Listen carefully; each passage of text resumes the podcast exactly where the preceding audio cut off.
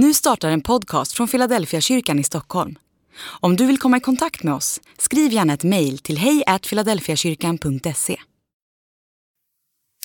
Dag 279. All verklig förändring kommer från rötterna. Jesus pratar inte om hur man ska få fart på en utebliven fikonskörd, utan om vad som behövs för att få förtorkade människor att blomma och bära frukt igen. Det som är befriande i liknelsen är att det egentligen inte verkar handla om trädet. Det som behöver förändras är omständigheterna runt omkring.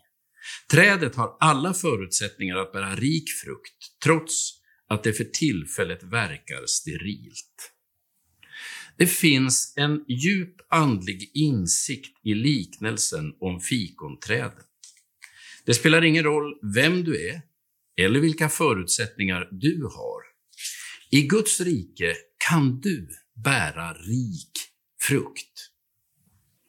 Vi fastnar så ofta i oss själva och våra egna bristfälliga egenskaper. Vi tror att det är vår svaga karaktär eller vårt heta temperament som är hindret för det Gud vill med våra liv. Eller också tror vi att erfarenheter, arv och miljö gör oss olämpliga eller rent av ofruktsamma i ett Gudsrikes perspektiv.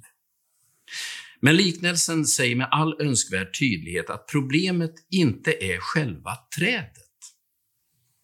Även om det är på trädet som problemet blir synligt så är det inte i trädet som lösningen finns.